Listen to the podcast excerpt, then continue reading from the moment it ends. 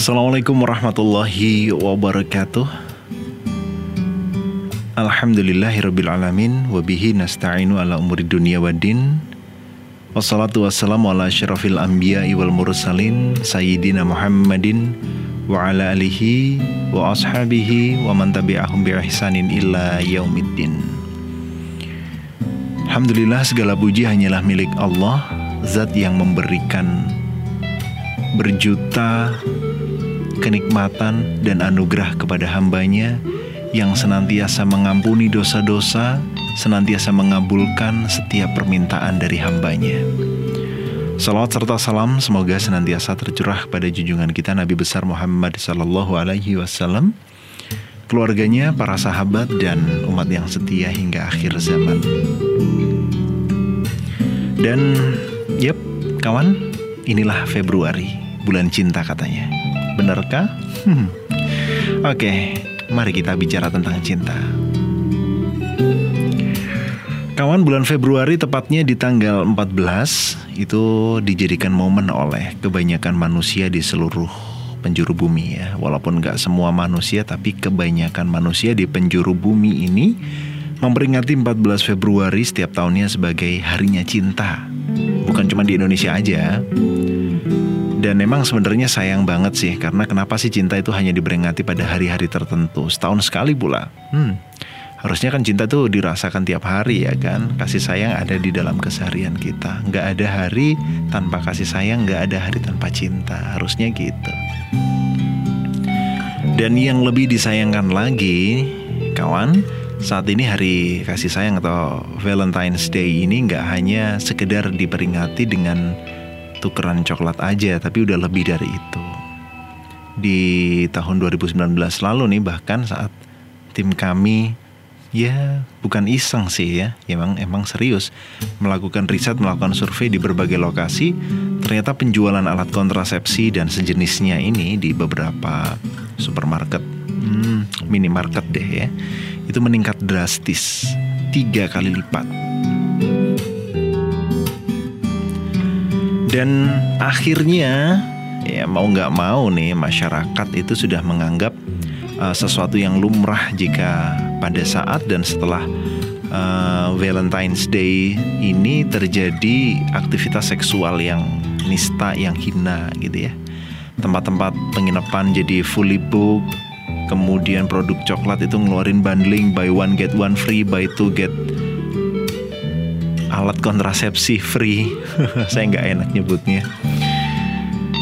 Ya, walaupun sih memang perbuatan nista itu nggak selalu terjadi di tanggal 14 Februari aja. Artinya, ya siapa sih yang nggak tahu udah jadi rahasia umum banget gitu kan kalau perzinahan itu sudah merajalela. Nggak cuma di Indonesia loh ya.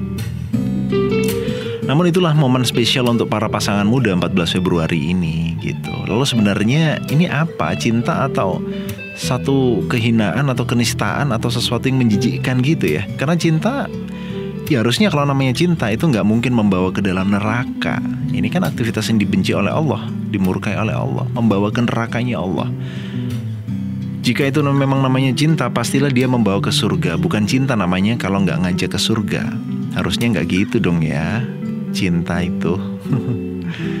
Kemudian kenapa kok hal ini bisa terjadi?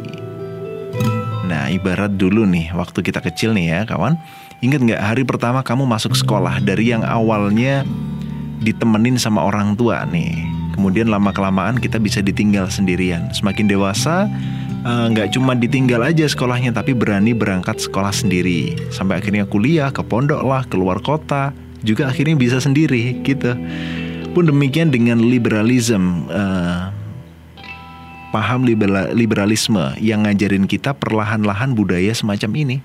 Ya budaya pergaulan bebas semacam ini yang awalnya itu hanya sebatas tukeran coklat 10, 15, 20 tahun yang lalu hanya tukeran coklat kemudian coba-coba ciuman berduaan gitu ya sampai akhirnya saat ini perzinahan akhirnya dianggap sebagai sesuatu yang biasa yang lumrah jelas dong sebagai seorang muslim harusnya tahu bahwa aktivitas percintaan antara pria dan wanita itu harus dijalin dalam ikatan pernikahan. Tapi beda halnya sekarang. Liberalisme mengajarkan kepada anak-anak muda bahwa bercinta itu kasih sayang, saling menyayangi, nggak harus menikah dulu kok. Pacaran juga bisa, nggak ada masalah. Dan 14 Februari inilah momennya menurut mereka. Lalu kalau kita bicara tentang sejarahnya, tentu ini bukan budaya yang berkaitan dengan Islam. Gak ada urusannya. Valentine's Day ini berasal dari Islam. Nggak ada hubungannya antara Islam dengan Valentine's Day. Walaupun di dalam Islam juga ada uh, ajaran untuk berkasih sayang untuk saling mencintai bukan berarti kemudian oh ada cinta-cintanya. Oh berarti Valentine's ini juga mirip-mirip sah uh, mirip-mirip lah dengan Islam gitu ya nggak kawan karena Valentine's Day ini berasal dari budaya pagan dan harusnya uh, aktivitas kasih sayang mencintai orang lain itu tiap hari kan ya? Dan saat ini generasinya bukan uh, ini yang per, uh, miris banget generasi uh, saat ini tren saat ini itu V-Days atau Valentine's Day itu bukan hanya sekedar uh, pacaran itu mah udah udah udah lama kayak begitu cowok cewek pacaran kemudian memperingati hari kasih sayang di 14 Februari itu mah udah biasa gitu. Tapi ya parahnya yang sangat kita sayangkan saat ini udah masuk eranya udah masuk um, trennya hubungan sejenis LGBT. Ya, jadi Valentine's Day ini udah menjadi uh, momen bagi para pelaku atau pengidap penyakit LGBT ini untuk uh, menunjukkan eksistensinya gitu. Coba bayangin, ini manusia suka uh, sesama jenisnya laki suka sama laki, cewek suka sama cewek. Ya aneh aja gitu kan ya. Uh, tahu monyet pernah lihat monyet ya? Monyet aja kalau ketemu sesama jantannya, monyet jantan ketemu sama monyet jantan itu berantem kan? saling monyet-monyetan gitu. Eh, lu monyet ya? Eh, lu juga monyet. Yaudah, kita berantem siapa yang paling monyet gitu. Anjing juga gitu. Nah, ini manusia sesama jenis tertarik ya gila bener kan? Kayak misalnya uh, kayak begini, magnet ya. Magnet itu kutub utara dengan kutub utara dia akan saling tolak menolak. Tapi kalau kutub utara dengan kutub selatan akan tarik menarik. Sama kayak kita. Ikhwan lihat akhwat tertarik akhwat lihat ikhwan naksir. Nah, wajar kalau seperti itu. Nah, kalau LGBT ini ya kan, ya jelas, jelas LGBT ini ada adalah satu hal yang uh, menjijikkan gitu ya dan gak ada ceritanya LGBT ini berakhir dengan happy ending seperti Disney film-filmnya Disney itu ya walaupun film Disney belum ada yang secara vulgar um, menceritakan tentang kisah LGBT ya. Tapi nggak ada ceritanya happily ever after di dalam kehidupan LGBT. Pasti berakhirnya dengan apa? HIV AIDS, penyakit-penyakit menular seksual lainnya, pneumonia, dan lain sebagainya, TBC juga. Nah, dan sayangnya kawan, meskipun LGBT ini salah, tercela, hina gitu, tapi karena udah dibudayakan, maka lama kelamaan diulang-ulang akhirnya diterima. Sampai hampir ngomong dibudidayakan tadi. Emang tanaman gitu. Ini penyakit dipelihara tuh pelihara tanaman tuh dijual laku berbuah sayur tuh pelihara tuh kambing tuh pelihara ini sesuatu yang menjijikkan kok dipelihara malu-maluin itu tapi bukan hanya malu-maluin merusak generasi kita sama seperti halnya dulu kawan, walaupun pacaran itu salah ya, tapi karena dikampanyekan jadi budaya, akhirnya sekarang Coba kita lihat para orang tua kalau anaknya nggak pacaran, nggak punya pacar, gimana? Sedih. Aduh, anakku kok nggak laku-laku gitu. Padahal pacaran ini kan aktivitas yang mendekati perzinaan ya kan? Dan perlu rasanya kita mengingat um, apa yang dikatakan oleh Adolf Hitler ya, bahwa kebenaran itu bisa jadi lahir dari kesalahan yang diulang-ulang. Pun demikian pacaran, Valentine's Day ataupun LGBT hal tercela ini tercela, salah, hina gitu. Tapi karena diulang, ulang, ulang, ulang, ulang, lama kelamaan akhirnya diterima oleh masyarakat. Maka Valentine's Day ini bukan sekedar mengkampanyekan seks bebas kawan. Bukan hanya sekedar itu. Ini cuman uh, fenomena gunung es aja. Cuman kelihatan di uh, puncaknya sedikit gitu. Tapi pesan dari Valentine's Day ini adalah satu bagian dari sesuatu yang lebih besar yaitu peradaban yang membawa paham kebebasan liberalisme itu. Bebas beraktivitas, bebas dari segala aturan, bebas beragama dan bebas melakukan apa pun. Pokoknya manusia hidup itu nggak perlu diatur manusia hidup itu ya diberikan kebebasan keleluasan untuk menentukan mana yang baik dan buruk buat dirinya gitu. Beda kan ya dengan Islam yang kalau Islam itu serba teratur, serba terikat, mau ngapa-ngapain ada aturannya, mau makan ini makan itu ada aturannya, mana yang halal, mana yang haram, mana yang boleh dimakan, mana yang nggak boleh dimakan, nggak asal aja gitu. Kalau kata salah satu krunya kulminasi itu, ya ini uh, flashback ke kasus coronavirus yang ada di yang pertama kali wabahnya muncul di Wuhan, China itu ya. Wah kalau di Cina itu orang-orang yang mereka nggak kenal agama, mereka orang-orang yang nggak kenal Islam, gitu.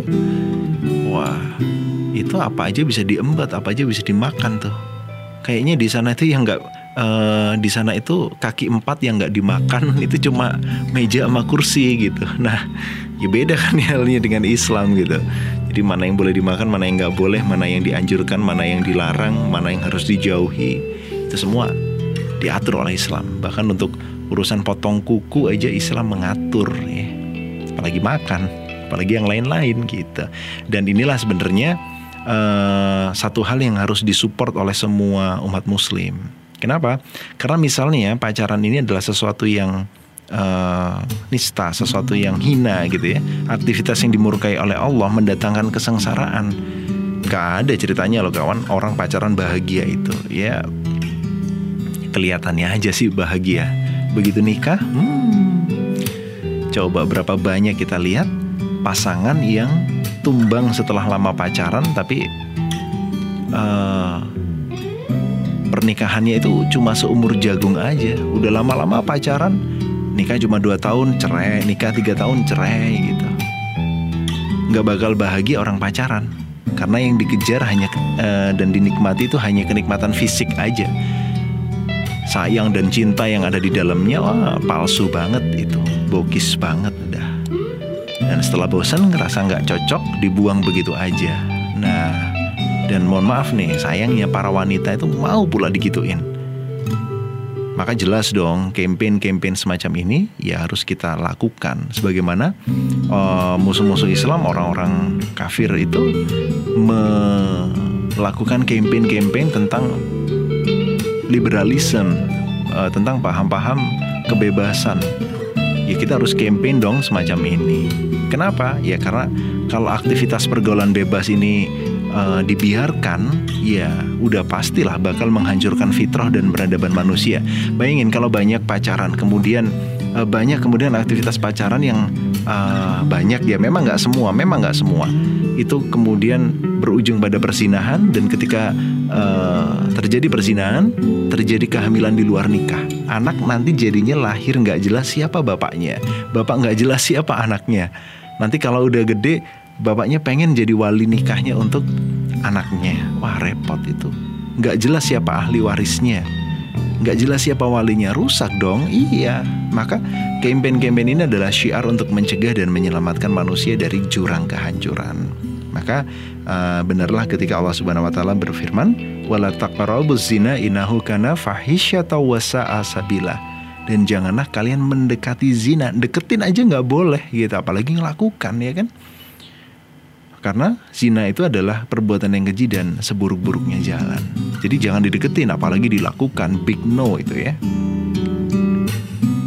Mungkin ada yang protes, tapi ini kan gue yang ngelakuin, badan-badan gue, hubungan-hubungan gue, apa urusan sama lu gitu. Ya emang bener, badan-badan lu, hubungan-hubungan lu, perasaan-perasaan lu terserah gitu.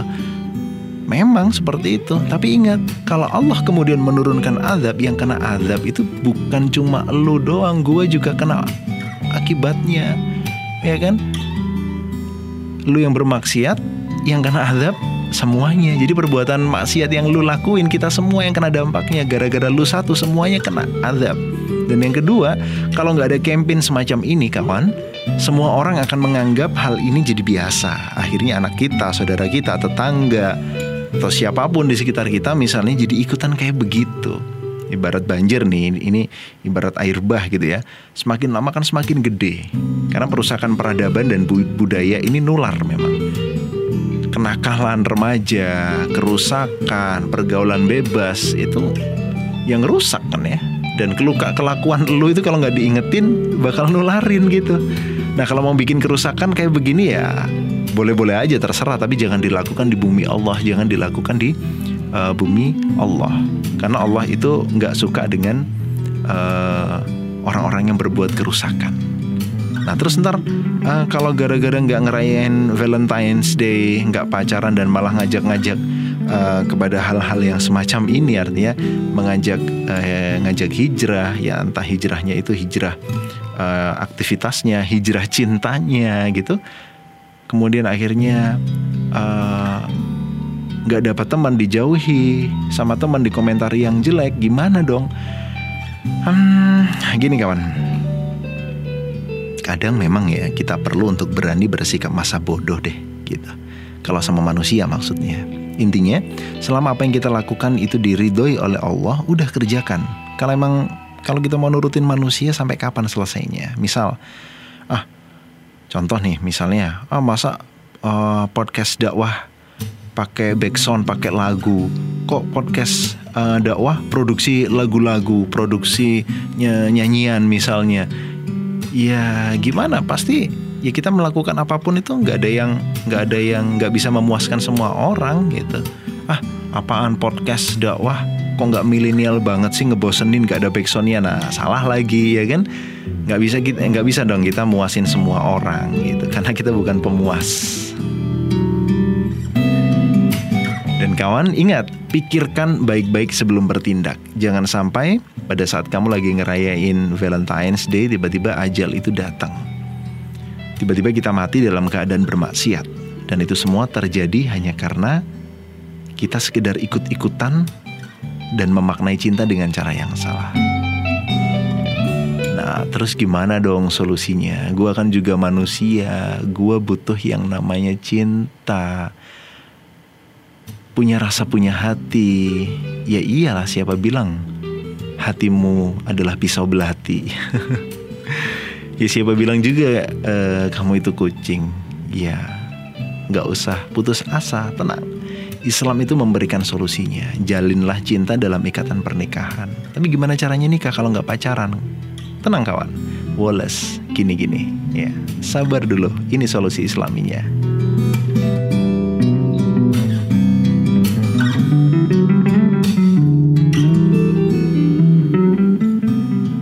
Jadi kawan, Allah itu adalah zat yang menganugerahkan cinta kepada hambanya, kepada kita, pada kamu, pada saya, pada kita semua. Dan gak mungkin Allah itu membiarkan cinta nyelonong begitu saja tanpa mengaturnya. Jadi kalau ada laki-laki naksir wanita dan sebaliknya itu wajar. So di dalam Islam kita mengenal yang namanya ta'aruf. Ta'aruf ini adalah solusi yang diberikan oleh Islam. Jadi walaupun Islam itu melarang pacaran, tapi di satu sisi Islam memberikan solusi agar seseorang dapat menemukan jodoh yang tepat. Caranya gimana? Ya, dengan ta'aruf. Dan buat kamu yang masih pacaran atau membela aktivis pacaran nih, dengan berbagai macam dalih ya. Asal kamu tahu bahwa bukan berarti seorang muslim atau muslimah yang gak pacaran itu hidupnya kering, hampa, suram, seperti yang dibilang oleh sebagian orang di luar sana. Ah, nggak pacaran, hidupnya suram, hidupnya kering hampa. Nah, enggak, enggak sama sekali. Salah itu. Tapi justru ketika muslim atau muslimah itu menjauh dari aktivitas pacaran, itu adalah untuk menjaga kehormatannya di hadapan Allah. Atau mungkin dia sedang mencari jodoh dengan cara yang terhormat, bukan dengan cara yang hina. So, gimana mungkin kita bisa nikah kalau nggak pacaran? Siapa yang mau beli kucing dalam karung? ya emang ada orang jual kucing itu dikarungin, terus lu bawa pulang tanpa ngecek dulu, iya kan? Kopi yang dikarungin aja dicek dulu. Nah ini manusia. Justru itulah kawan pentingnya ta'aruf supaya kita bisa mengenal uh, calon suami atau calon istri dengan lebih objektif. Maka jika ada laki-laki yang naksir sama uh, wanita, datanyalah ayahnya atau walinya. Bilang sama beliau bahwa kamu ingin jadi suami dari anaknya, pengen jadi anak dari beliau, menantu dari beliau gitu.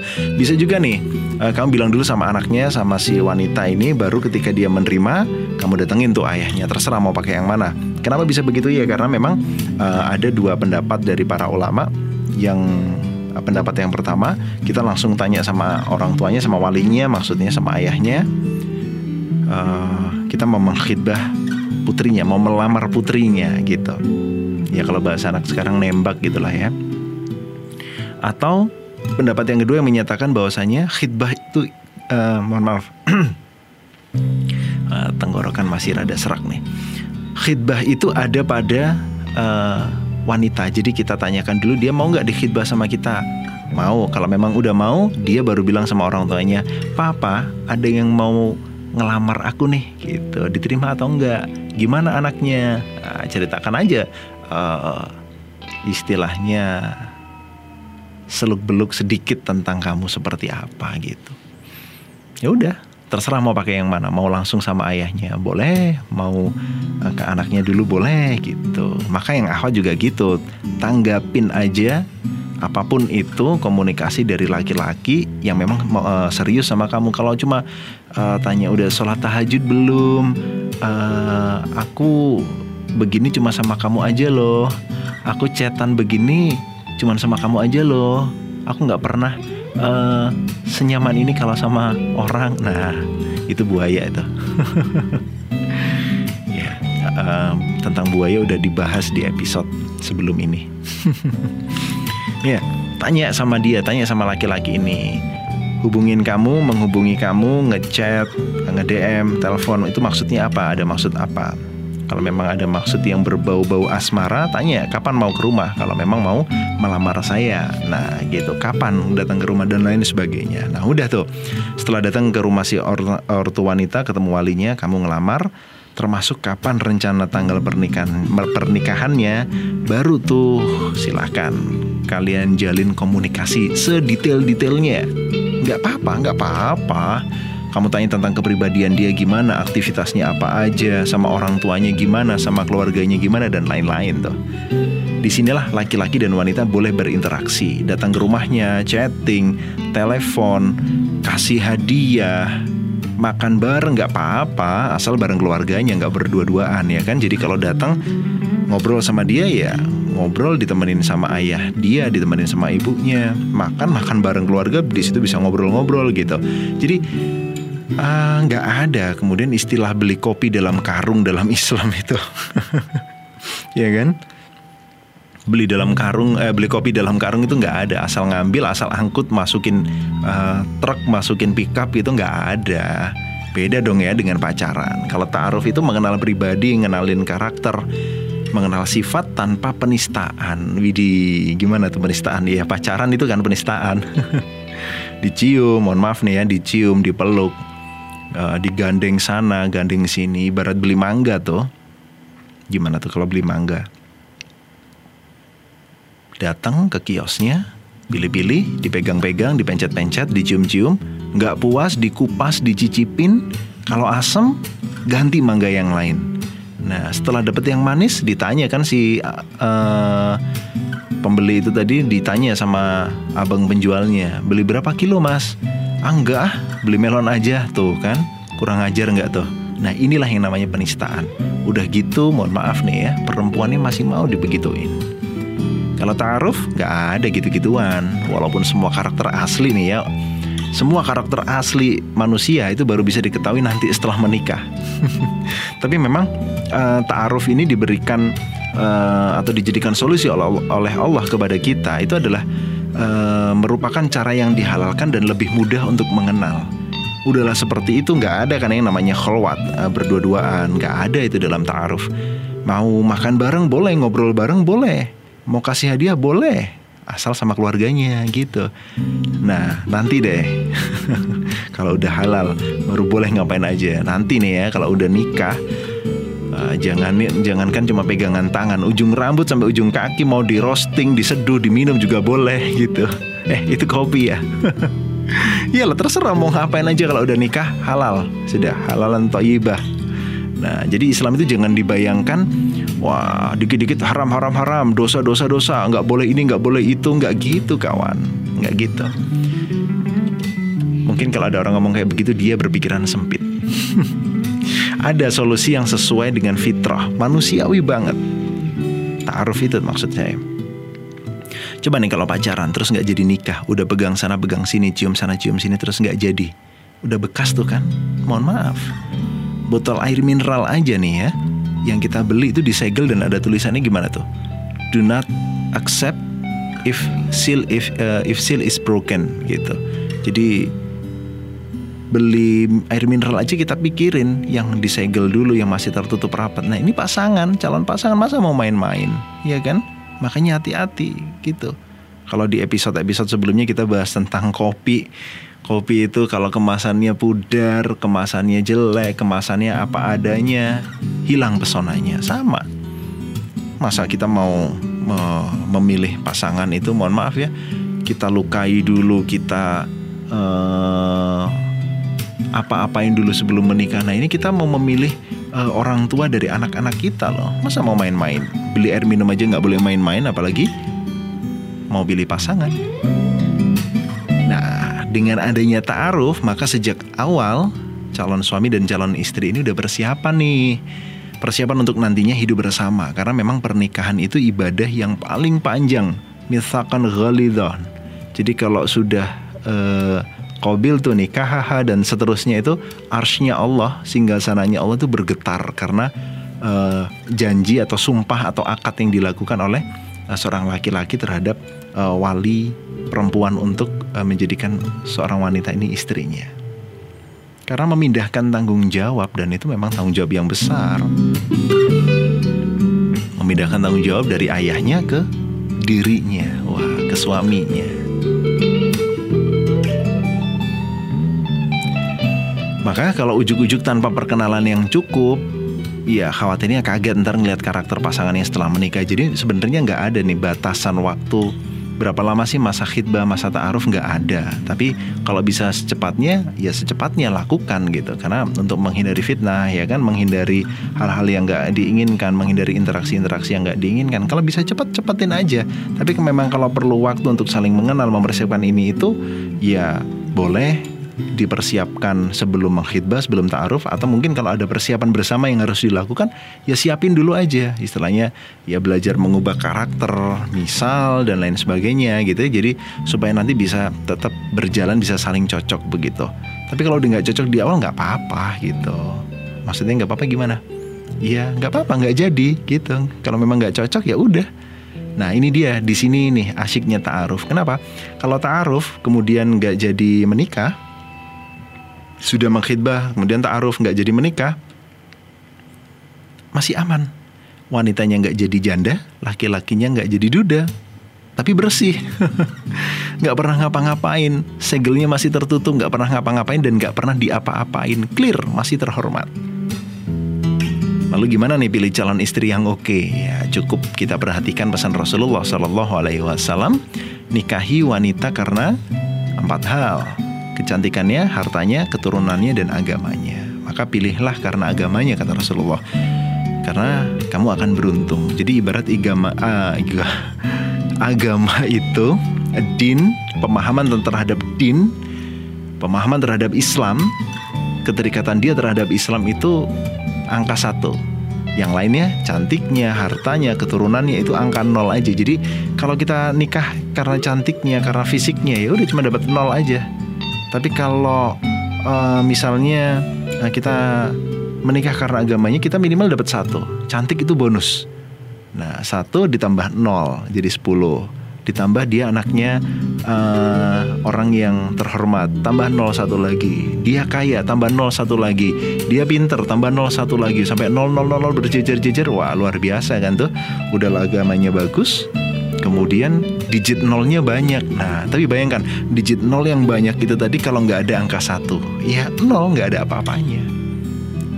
Karena kalau seorang laki-laki menikah karena kecantikan, artinya memilih wanita karena kecantikan, ingat, kecantikan itu bisa pudar, tapi keimanan itu selamanya. Gimana tuh ciri-ciri wanita yang seperti ini? Ya lihat aja aktivitasnya. Sehari-hari dia ngapain, pakaiannya syari atau enggak, dia aktif ngaji atau enggak, aktif dakwah enggak gitu. Emang kenapa kok harus uh, aktif dakwah? Ya iyalah, umat aja diurusin apalagi kamu. Dan satu lagi nggak suka ngobrol kecantikannya entah itu di sosial media atau di mana pun. Nah, nggak mungkin kan dapat wanita kayak gini di tongkrongan, di diskotik, ya kan? Dan tempat-tempat yang semacamnya. Nggak bisa dapat wanita seperti ini mana di taklim, di eh, tempat-tempat uh, yang memang beraktivitas untuk uh, berjuang di jalan Allah. Gimana kalau laki-laki? Ya, kalau laki-laki itu adalah kawam, uh, kawamun ala nisa gitu. Ar-rijalu uh, kawamun ala nisa. Kawam adalah seorang pemimpin, leader, orang yang bisa memimpin. Jadi bukan uh, mencari laki-laki tuh dilihat dulu dadanya bidang enggak, perutnya six pack atau enggak, uh, otot bicep, tricepnya itu menonjol enggak bukan bukan itunya dulu gitu. Tapi uh, seorang laki-laki dilihat apakah dia bisa memimpin atau enggak. Orang yang bisa memimpin berarti ia harus mempunyai pemahaman yang baik tentang Islam. Gimana dia jadi imam uh, kalau dia nggak paham tentang Islam? Karena laki-laki ini bertanggung jawab terhadap ibunya, istrinya, adik perempuannya, dan anak perempuannya. Empat yang kita tanggung laki-laki nih ya. Karena itulah laki-laki disebut sebagai tulang punggung. Di akhirat kelak kawan, wanita itu akan dimintakan pertanggungjawaban selain kepada dirinya juga kepada ayahnya, suaminya, saudara laki-lakinya dan anak laki-lakinya. Sementara kita laki-laki nih harus mempertanggungjawabkan selain diri kita, istri kita, anak perempuan kita, kemudian ibu dan saudara perempuan, saudari ya. Gitu. Maka kita eh, layak disebut tulang punggung gitu. Kenapa? Karena wanita yang dilindungi banyak gitu. Dan kalau kata Rasulullah, ada dosa yang tidak bisa dihapus oleh sholat, oleh saum atau puasa bahkan ibadah haji pun gak bisa menghapuskannya. Lantas kemudian para sahabat bertanya apa kemudian yang dapat menghapusnya ya Rasulullah? Kata Rasulullah, bekerja, mencari nafkah yang halal. Ingat, hadis ini adalah untuk para laki-laki ya. Kemudian uh, kriteria uh, kriteria laki-laki yang kuat itu apa aja? Yang pertama dia kuatul jasa dia. Jadi cowok ikhwan itu harus kuat karena mukmin yang kuat secara fisik ya itu lebih dicintai oleh Allah daripada mukmin yang lemah.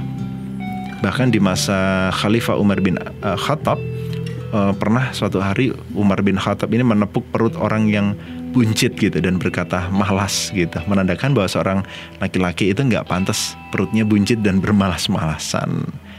Dan yang kedua adalah uh, kawatul fikriyah. Apa maksudnya? Uh, dia punya kelebihan di uh, hal pengetahuan. Pikirannya kuat.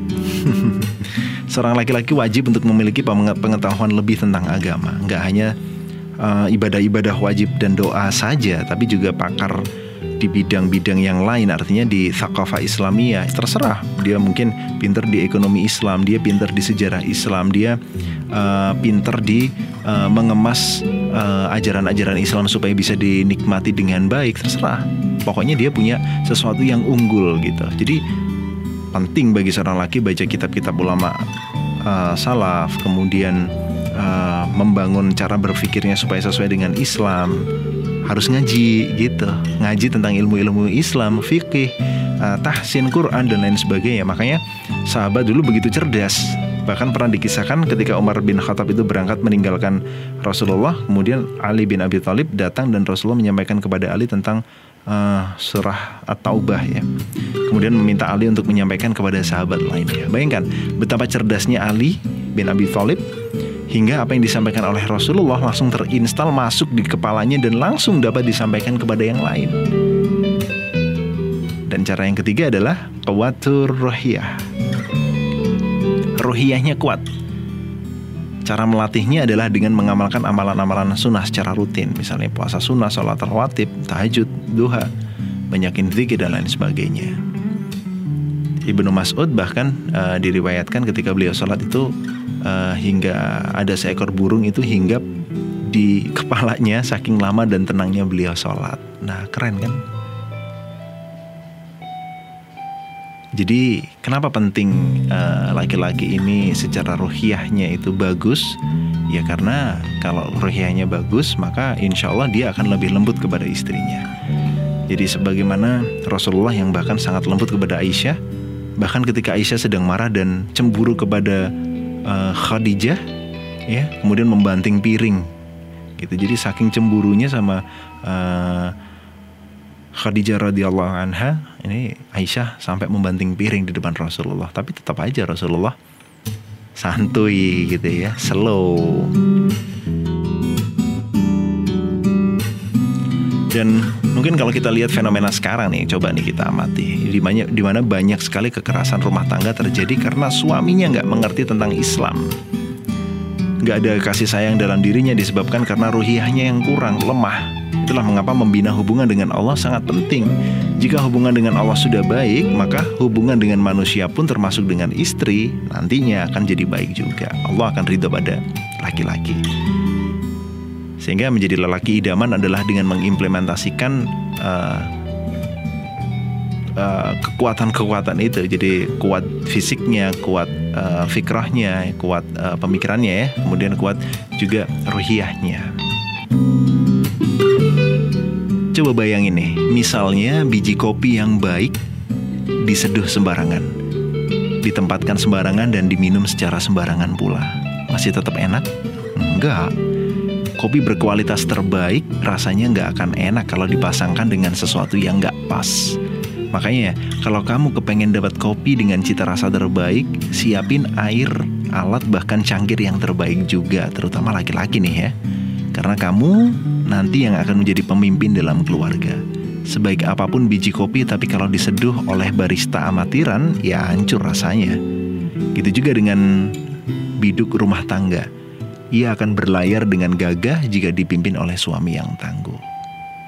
Jadi ingat, jangan cuma sibuk memikirkan dan mencari pasangan yang ideal, tapi juga sibuklah mempersiapkan diri untuk menjadi calon pasangan impian.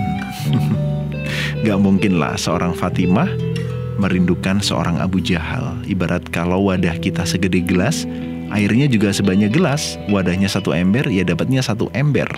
Wadahnya segede tandon, ya dapatlah air sebanyak tandon.